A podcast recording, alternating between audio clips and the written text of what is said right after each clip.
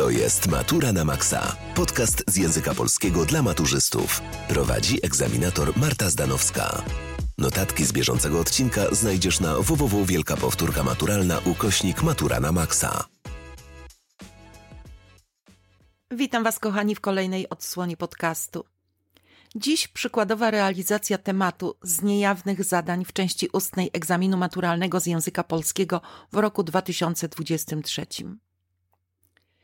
Temat brzmi: Modele patriotyzmu w kulturze polskiej. Omów zagadnienie na podstawie zamieszczonego poniżej materiału oraz wybranego tekstu kultury lub utworu literackiego. Dołączonym tekstem jest hymn do miłości ojczyzny Ignacego Krasickiego. Święta miłości kochanej ojczyzny, czują cię tylko umysły poczciwe. Dla ciebie zjadłe smakują trucizny, dla ciebie węzy pęta niezelżywe.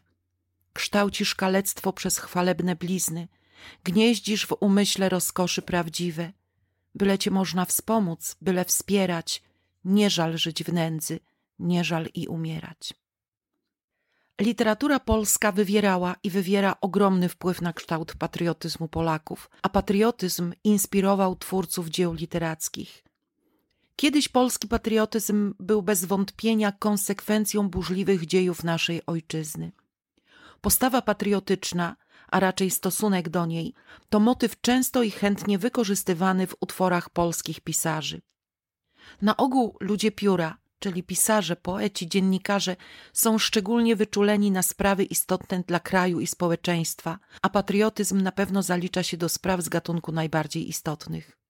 Patriotyzm jest postawą charakteryzującą się umiłowaniem oraz oddaniem względem ojczyzny, a także gotowością poświęcenia własnego życia w imię jej obrony.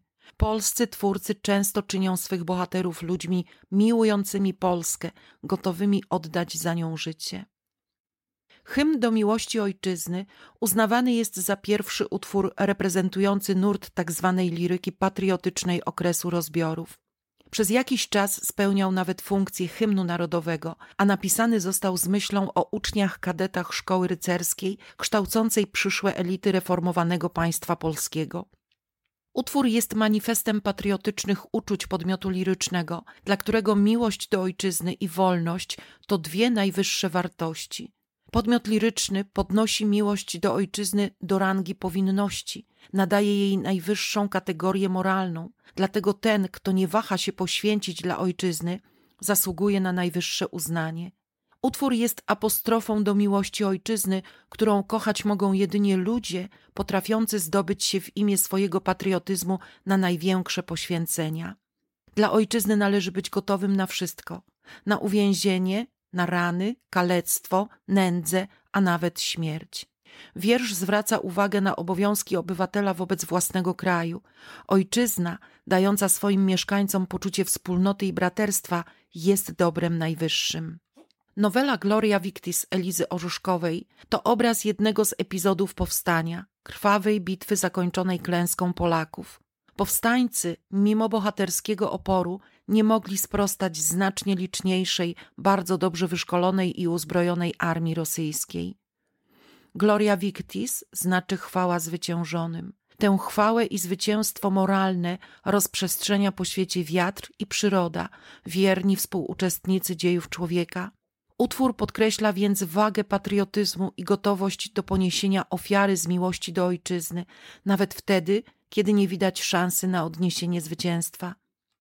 Zanim przejdziemy dalej, zapisz się na wielką powtórkę maturalną. W 4 godziny omawiamy cały materiał wymagany na maturze. Do wyboru aż 10 przedmiotów maturalnych. Pamiętaj, że otrzymujesz gwarancję z danej matury. Z kodem Matura na Maxa zgarniesz minus 10% na wszystkie powtórki. Dołącz już teraz na www.wielkapowtórkamaturalna.pl Orzeszkowa gloryfikuje nie tylko bohaterstwo powstańców, ale także dziejowe znaczenie ich czynu.